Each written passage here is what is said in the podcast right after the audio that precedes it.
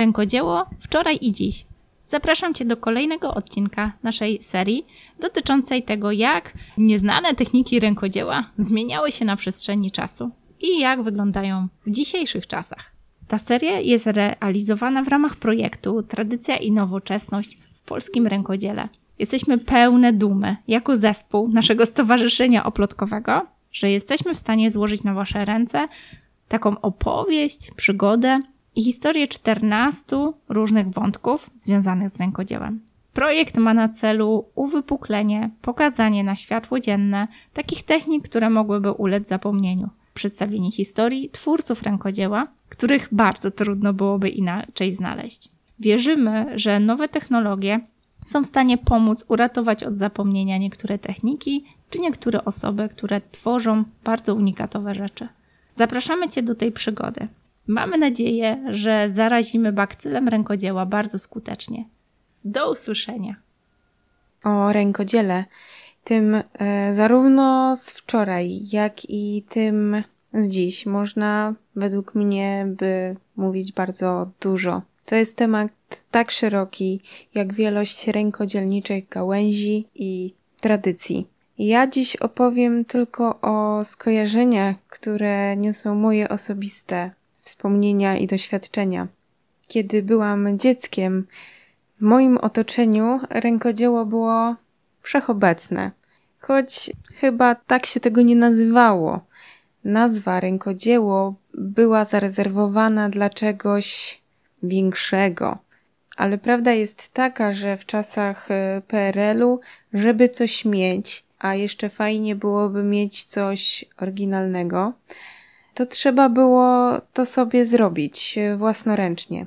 A nierzadko jeszcze trzeba było się sporo nagimnastykować przy zdobywaniu materiałów.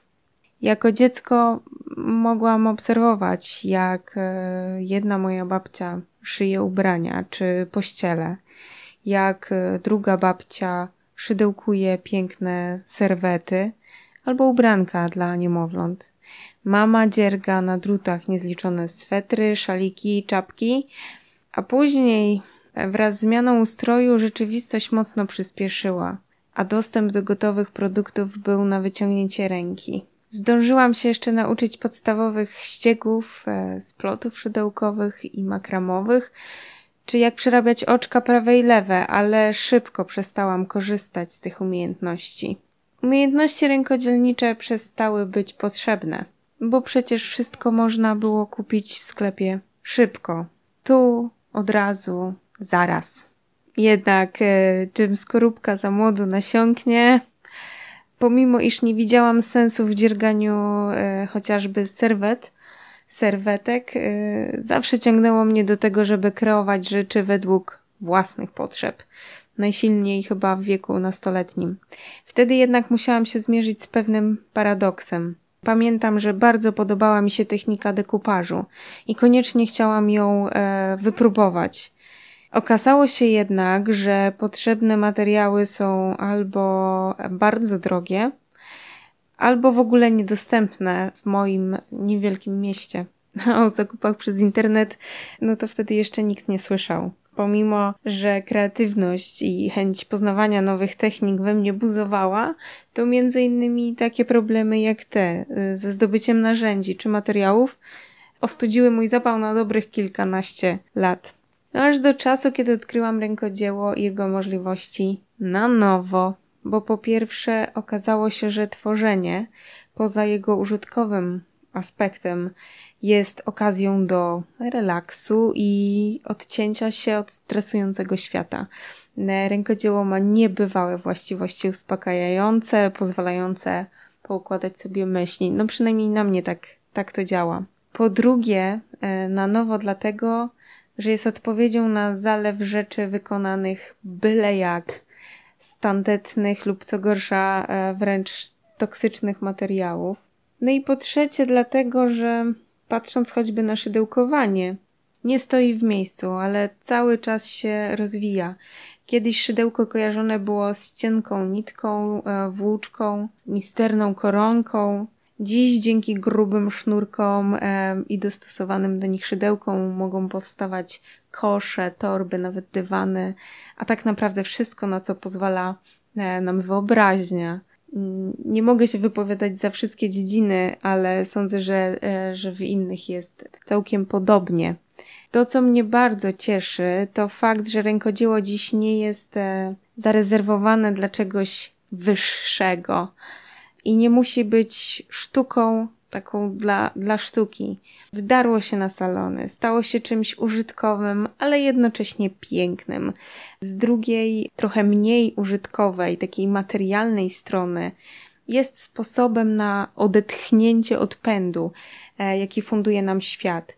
Ponadto, biorąc pod uwagę coraz liczniejsze warsztaty rynkodzielnicze, w których można wziąć udział, daje możliwość spotkania z ludźmi twarzą w twarz, stwarza okazję do rozmowy. Odnoszę wrażenie, że rękodzieło, e, szczególnie to w tej wersji użytkowej, zyskuje nowe rzesze fanów też między innymi dzięki coraz bardziej popularnej idei zero waste lub e, mniej radykalnie zwanej e, less waste. Sporo osób odkrywa na przykład szydełkowanie, chcąc stworzyć dywanik ze zużytych t-shirtów, płatki kosmetyczne wielorazowego użytku lub siatkę na zakupy. I to oczywiście cieszy, choć akurat znów ten aspekt y, nie jest nowością w rękodziele, bo choć może t-shirtów kiedyś nie wykorzystywano, to do szydełkowania były y, brane takie materiały jak nylonowe rajstopy, nie wspominając o powtórnym wykorzystywaniu włóczki czy kreatywnym recyklingu odzieży, ale to e, historia na osobny temat. Zero waste, czyli w dosłownym tłumaczeniu to tak jakby brak marnowania czy brak śmieci.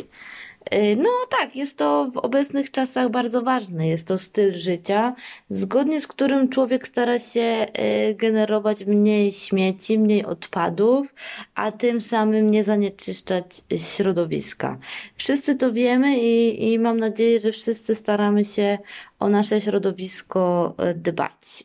Ja także w życiu codziennym, ale także w mojej pracy.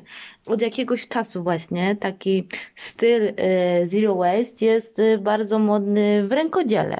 Ja, jako że e, także zajmuję się szyciem, to już od dawna mm, szyję woreczki ze starych firan, albo ze starych pościeli, albo z tutaj właśnie z odpadów, materiałów, które mam. Takie woreczki specjalne do które można zabrać do sklepu i w których można, y, są one wielokrotnego użytku, można je wybrać i można tam na przykład zapakować y, warzywa, owoce i potem iść z nimi do kasy, albo takie lniane woreczki, gdzie można zapakować chleb, dzięki czemu nie bierzemy już tych jednorazowych foliowych y, woreczków ze sklepu.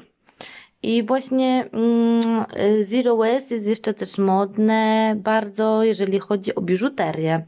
Kiedy zaczynałam mm, przygodę ze stowarzyszeniem, poznałam y, osobę, która robiła i robi nadal przepiękne y, naszyjniki czy bransoletki ze starych rajstop.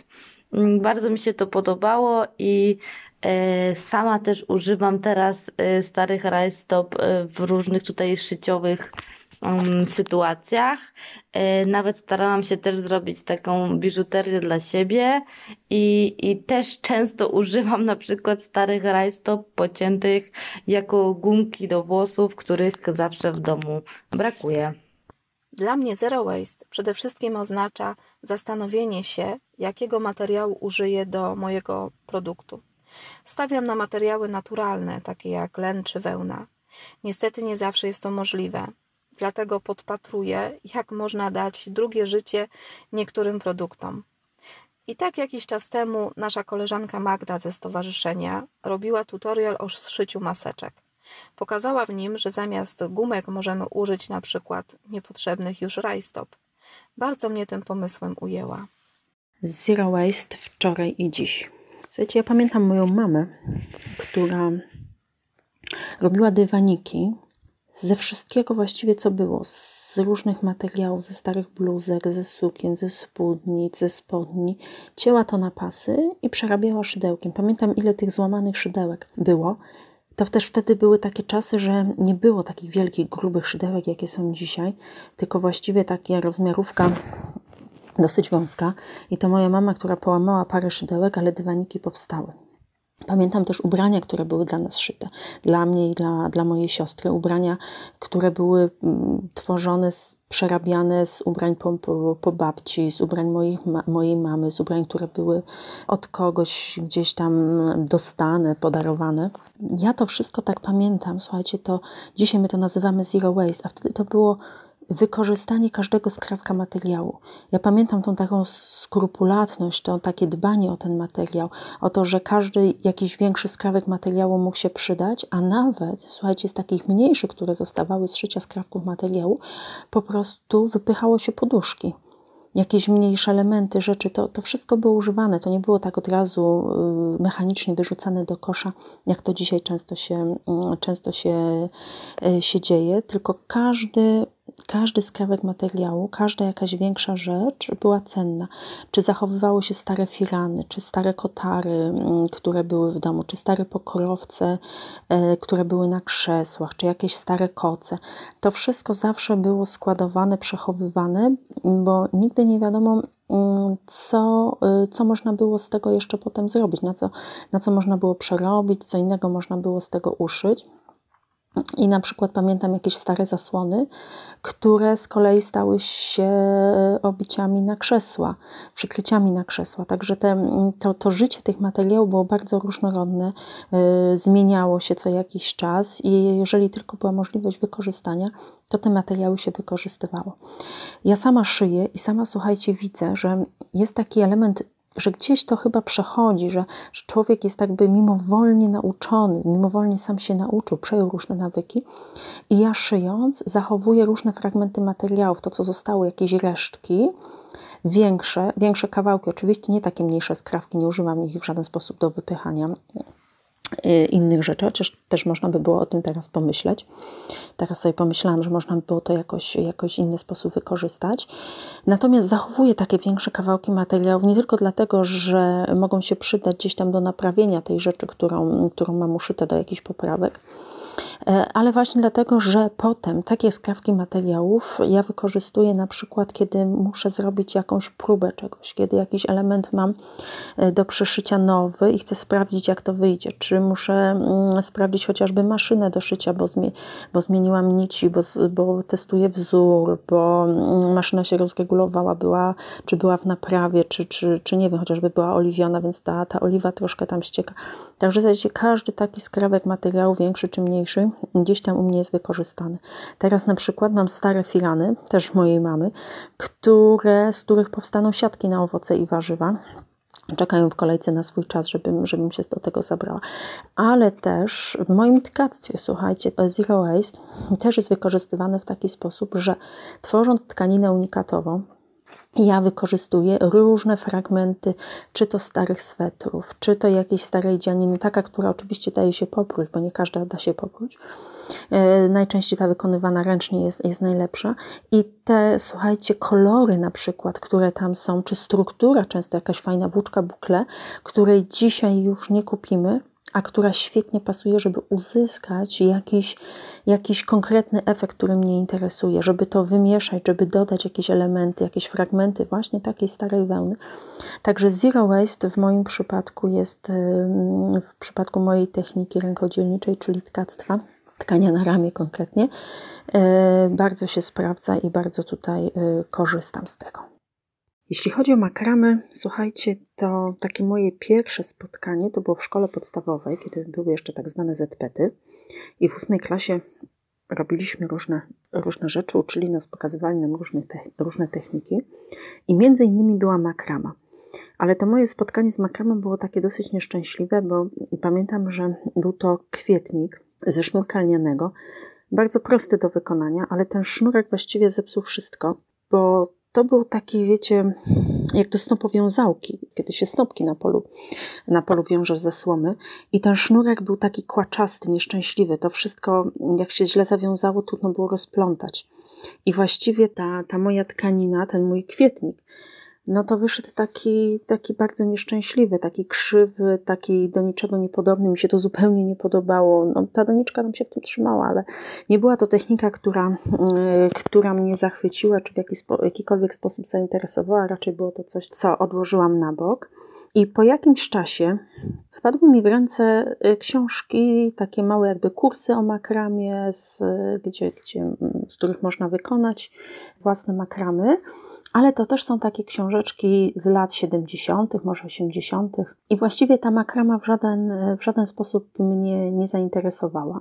A teraz, słuchajcie, ta makrama dzisiejsza, kiedy widzę dziewczyny tworzące te niesamowite makramowe ozdoby z tych pięknych sznurków, kiedy to wszystko się błyszczy, kiedy jest mięsiste, kiedy jest kolorowe, kiedy nabiera kształtu, kiedy widać tą formę, to słuchajcie, ta makrama po prostu aż się prosi, żebym się nią zajęła, ale ponieważ jestem mocno skoncentrowana na tkactwie i pomimo tego, że wiele różnych technik bardzo mnie interesuje, bardzo bym chciała spróbować, to na tą chwilę nie podejmuje się makramy, mimo że jest to, jest to coś, co uważam, że jest jedną z przepiękniejszych technik rękodziełczych w tej chwili, dających bardzo, e, bardzo piękne efekty, e, efekty wizualne, efekty takie, takie zmysłowe, dotykowe.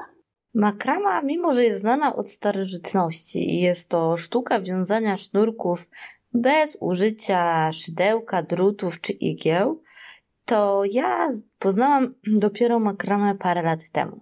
Pamiętam, że gdy zobaczyłam chyba na jakimś zdjęciu w internecie piękny, makramowy y, kwietnik z kwiatem wiszący na tarasie, to poczułam, że chciałabym coś takiego zrobić i że to jest to. Ponieważ byłam wtedy na etapie przeprowadzki do dużego domu właśnie z tarasem, to szukałam inspiracji, y, żeby zrobić właśnie coś nowego, coś fajnego. Od tego czasu właśnie zaczęłam y, interesować się makramą i wszystkim co było związane właśnie ze sznurkami. Bawełniane, plecione, skręcane, jest ich tyle rodzajów, czy jutowe. O tym wszystkiego nauczyłam się zdecydowanie później.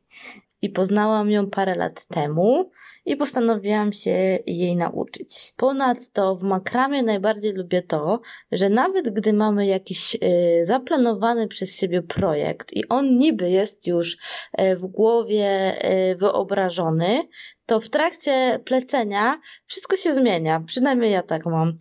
Makrama jest bardzo starą techniką rękodzieła, znaną już w starożytności. W średniowieczu ozdabiano nią szaty króla, a później ozdabiano nią domy do ozdabiania, do robienia kap na fotele czy łoża. Następnie troszkę zapomniana. W latach 70. ostatniego, poprzedniego wieku przypomniano sobie o tej sztuce.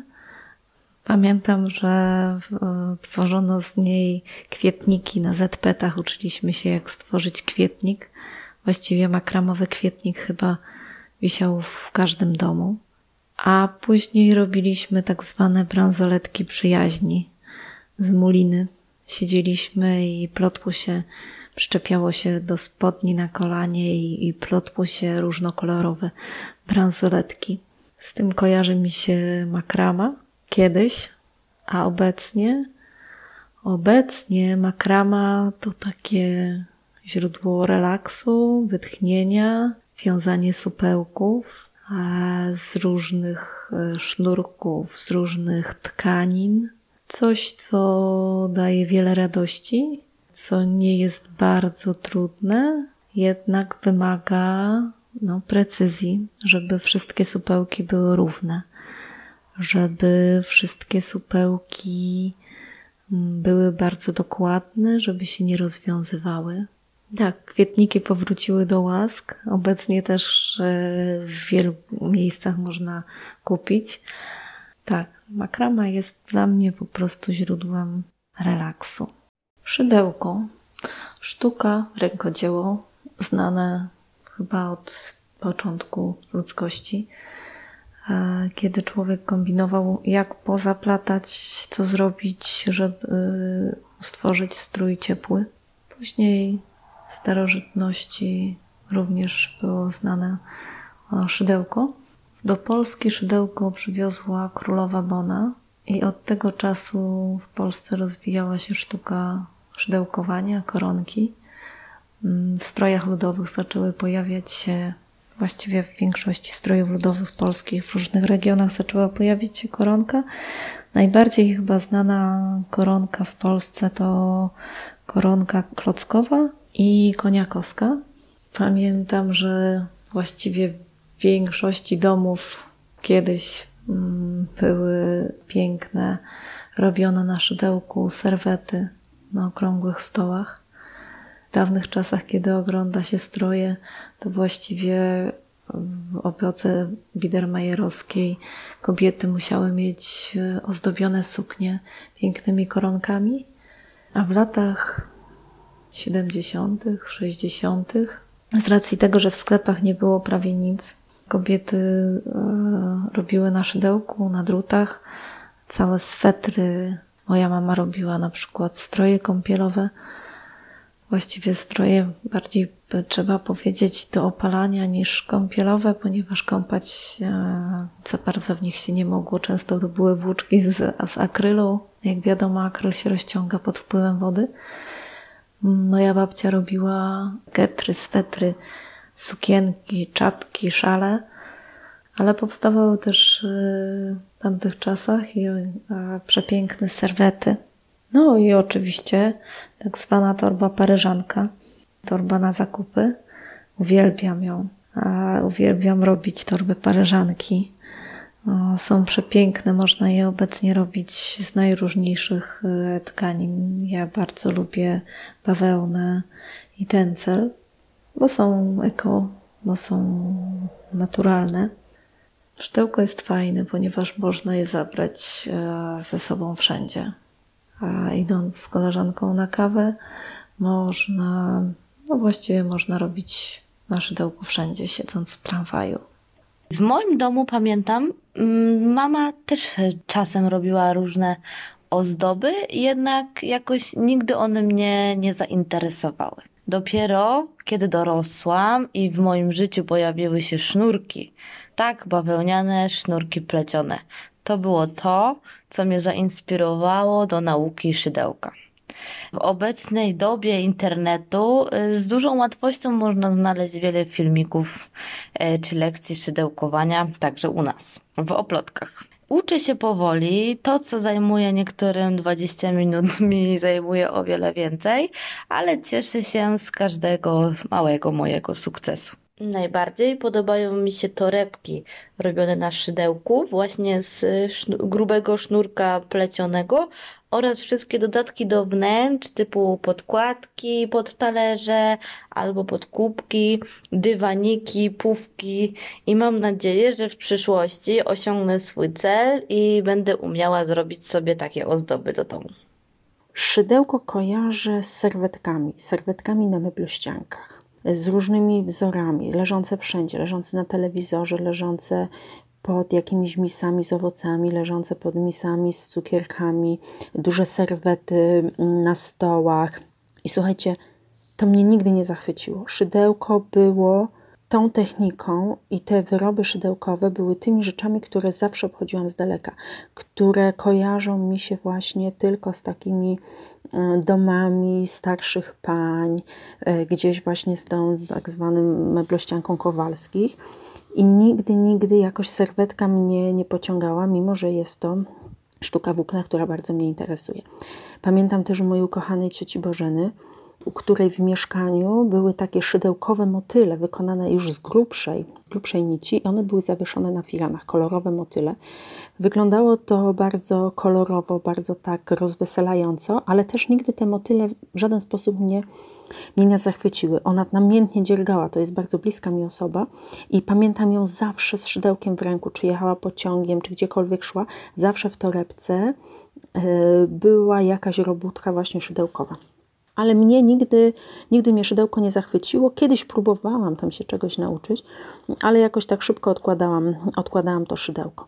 Szydełko kojarzy mi się też e, z chustami, dużymi chustami, mm, takimi, którymi można się opatulić, ażurowymi, e, z serwetkami z takich malutkich trójkącików, wielokolorowych. Ale też mimo wszystko nie wciągnęło mnie.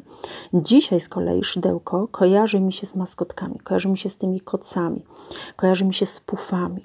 Teraz przecież te maskotki amigurumi, które są, no wspaniałe rzeczy, które, które dziewczyny tworzą, y, tworzą właśnie za pomocą techniki szydełka. I zastosowanie szydełka, które jest tak różnorodne, że możemy wykonać wiele rzeczy takich użytecznych, takich do domu. Nie tylko, y, nie tylko te stare, słynne serwetki, z meblościanek, ale po prostu cała, cała feria różnych przedmiotów, którymi możemy ozdobić nasze wnętrze, którymi możemy udekorować nasze wnętrze, ale jakoś szydełko mimo wszystko nie, nie wciągnęło mnie, nie, nie straciłam dla niego, dla niego serca, jak to się mówi. Być może się to zmieni, kto to wie. Tradycja i nowoczesność. Mhm. Jakie tradycyjne metody powstawania, plecenia mhm. wianków? W jakiś sposób je Pani zamieniła na coś nowocześniejszego, żeby sobie ułatwić pracę? Tak, nowocześniejsze tutaj są na pewno metody pracy z wiankiem. E, między innymi podstawy, których nie trzeba wyplatać mhm. ręcznie, bo są do tego specjalne e, maszyny, które od razu przy, przy, pewnie przy, przy zbiorach, przy które są, są maszyny, które od razu słomę, która zostaje, y, przerabiają na, na wianki różnej, różnej grubości i średnicy. To jest jedna rzecz, a druga to też klej na gorąco, który no, pistoletem bardzo przydatnym w pracy. Oczywiście dzisiaj e, ogromną e, wiedzę czerpię również z internetu.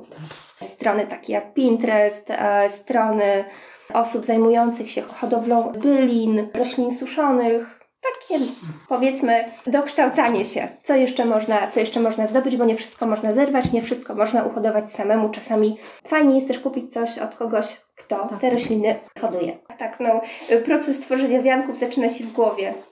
I tak naprawdę zawsze mam oczy szeroko otwarte, mm, o co też boi się mój mąż, bo prowadząc samochód większą uwagę przywiązuje do pobocza e, niż, niż do drogi, więc jak jedziemy gdzieś dalej, zwłaszcza w tereny nieznane, to umawiamy się, że on prowadzi.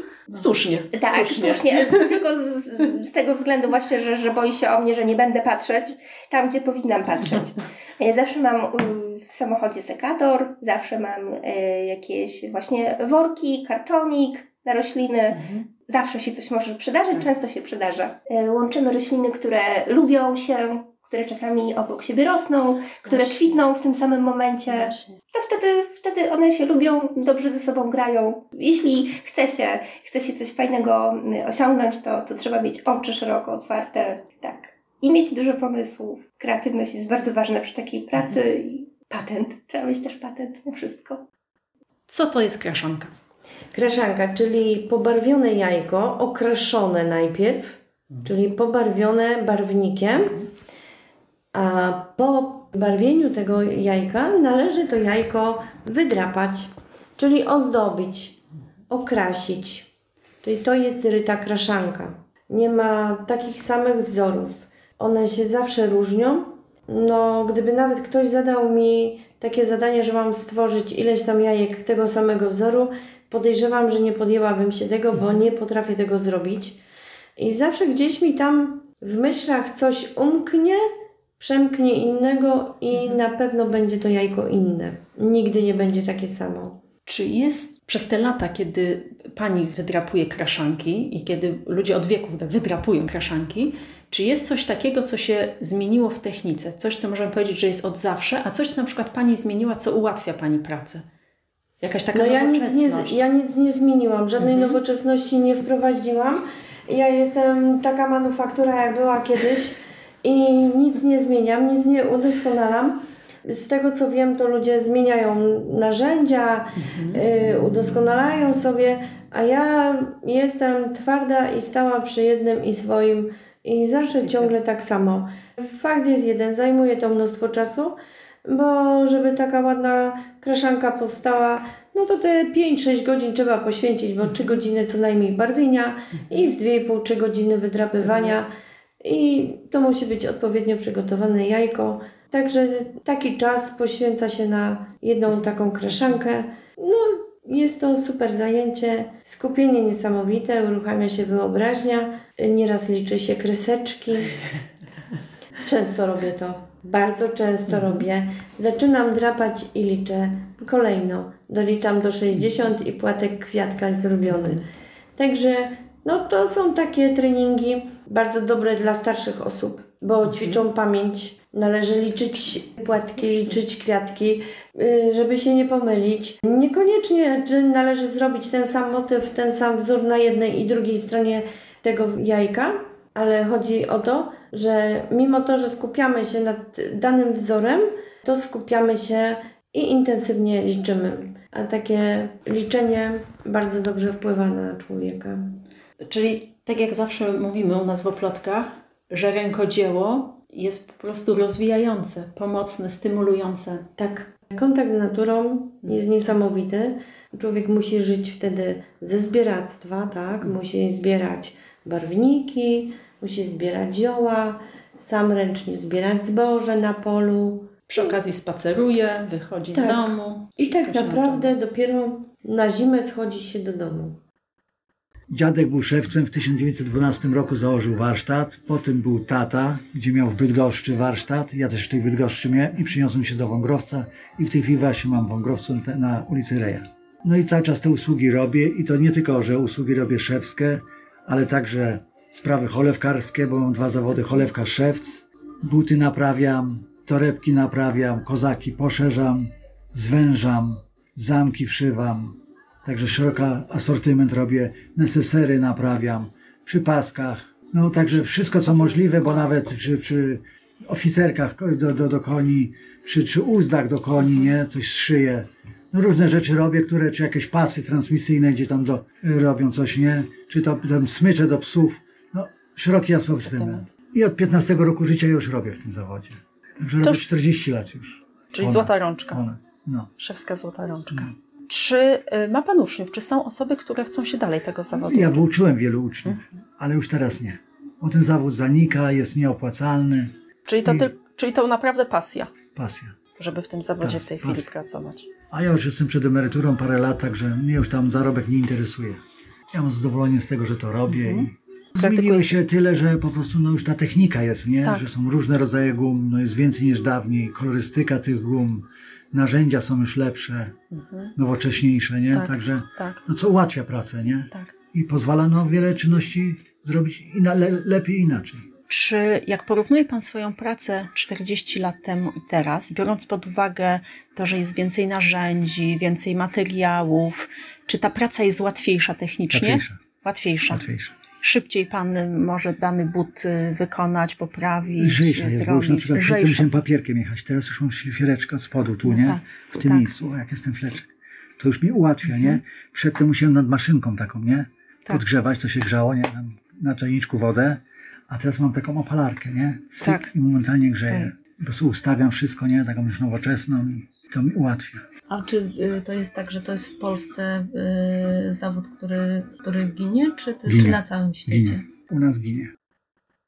Dziś kończymy nasz projekt. Odwiedziłyśmy z Karoliną wiele cudownych miejsc w Wielkopolsce. Byłyśmy w Wągrowcu, w Szubinie, w Golinie, Jarocinie, Krobi, Poznaniu czy Rogalinku. Byłyśmy też w Hadze. Rozmawiałyśmy z twórcami ludowymi, artystami, rękodzielnikami. To były wspaniałe rozmowy o tradycji, rzemiośle, pracy, wystawach. To były rozmowy pełne wspomnień. Wiemy, że tak jak w nas, tak i w Was filmy z warsztatów pozostawiają niedosyt. My mogłybyśmy rozmawiać i nagrywać jeszcze i mamy nadzieję, że się spotkamy z Wami w następnych odcinkach. Kiedyś, może całkiem niedługo. Nie wyczerpałyśmy tematu związanego z tradycją strojów ludowych, z rękodziełem. Wspaniale było zobaczyć misternie wykonane serwety, frywolitkowe czy ze snutki golińskiej. Precyzja kraszanek sprawiła, że chciałyśmy wziąć nożyk i same wydrapać pisanki. Cudowny wywiad z szewcem i wspomnienia pana Sławomira Wesołka rzuciły inne światło na ten zapomniany zawód. I kiedy uświadomiłyśmy sobie, ile czasu kiedyś poświęcali ludzie na to, żeby przygotować stroje, udekorować domy, nie mając tych wszystkich udogodnień, jak pralki, suszarki, samochody, maszyny do szycia, to zastanawiamy się, co stało się z tym czasem, bo dzięki tym wszystkim ułatwieniom mieliśmy mieć go więcej. Może by w te nadchodzące wieczory jesienne usiąść z kubkiem herbaty, posłuchać naszych wywiadów, wziąć do ręki druty, igłę lub szydełko i zamiast pędzić gdzieś, to zatrzymaj się i zrób coś pięknego, handmade, na święta dla swoich bliskich. Miłego słuchania, miłego oglądania warsztatów. Dziękujemy za to, że mogliśmy wysłuchać i nagrać te wszystkie rozmowy. Dziękujemy, że byliście z nami. Do usłyszenia.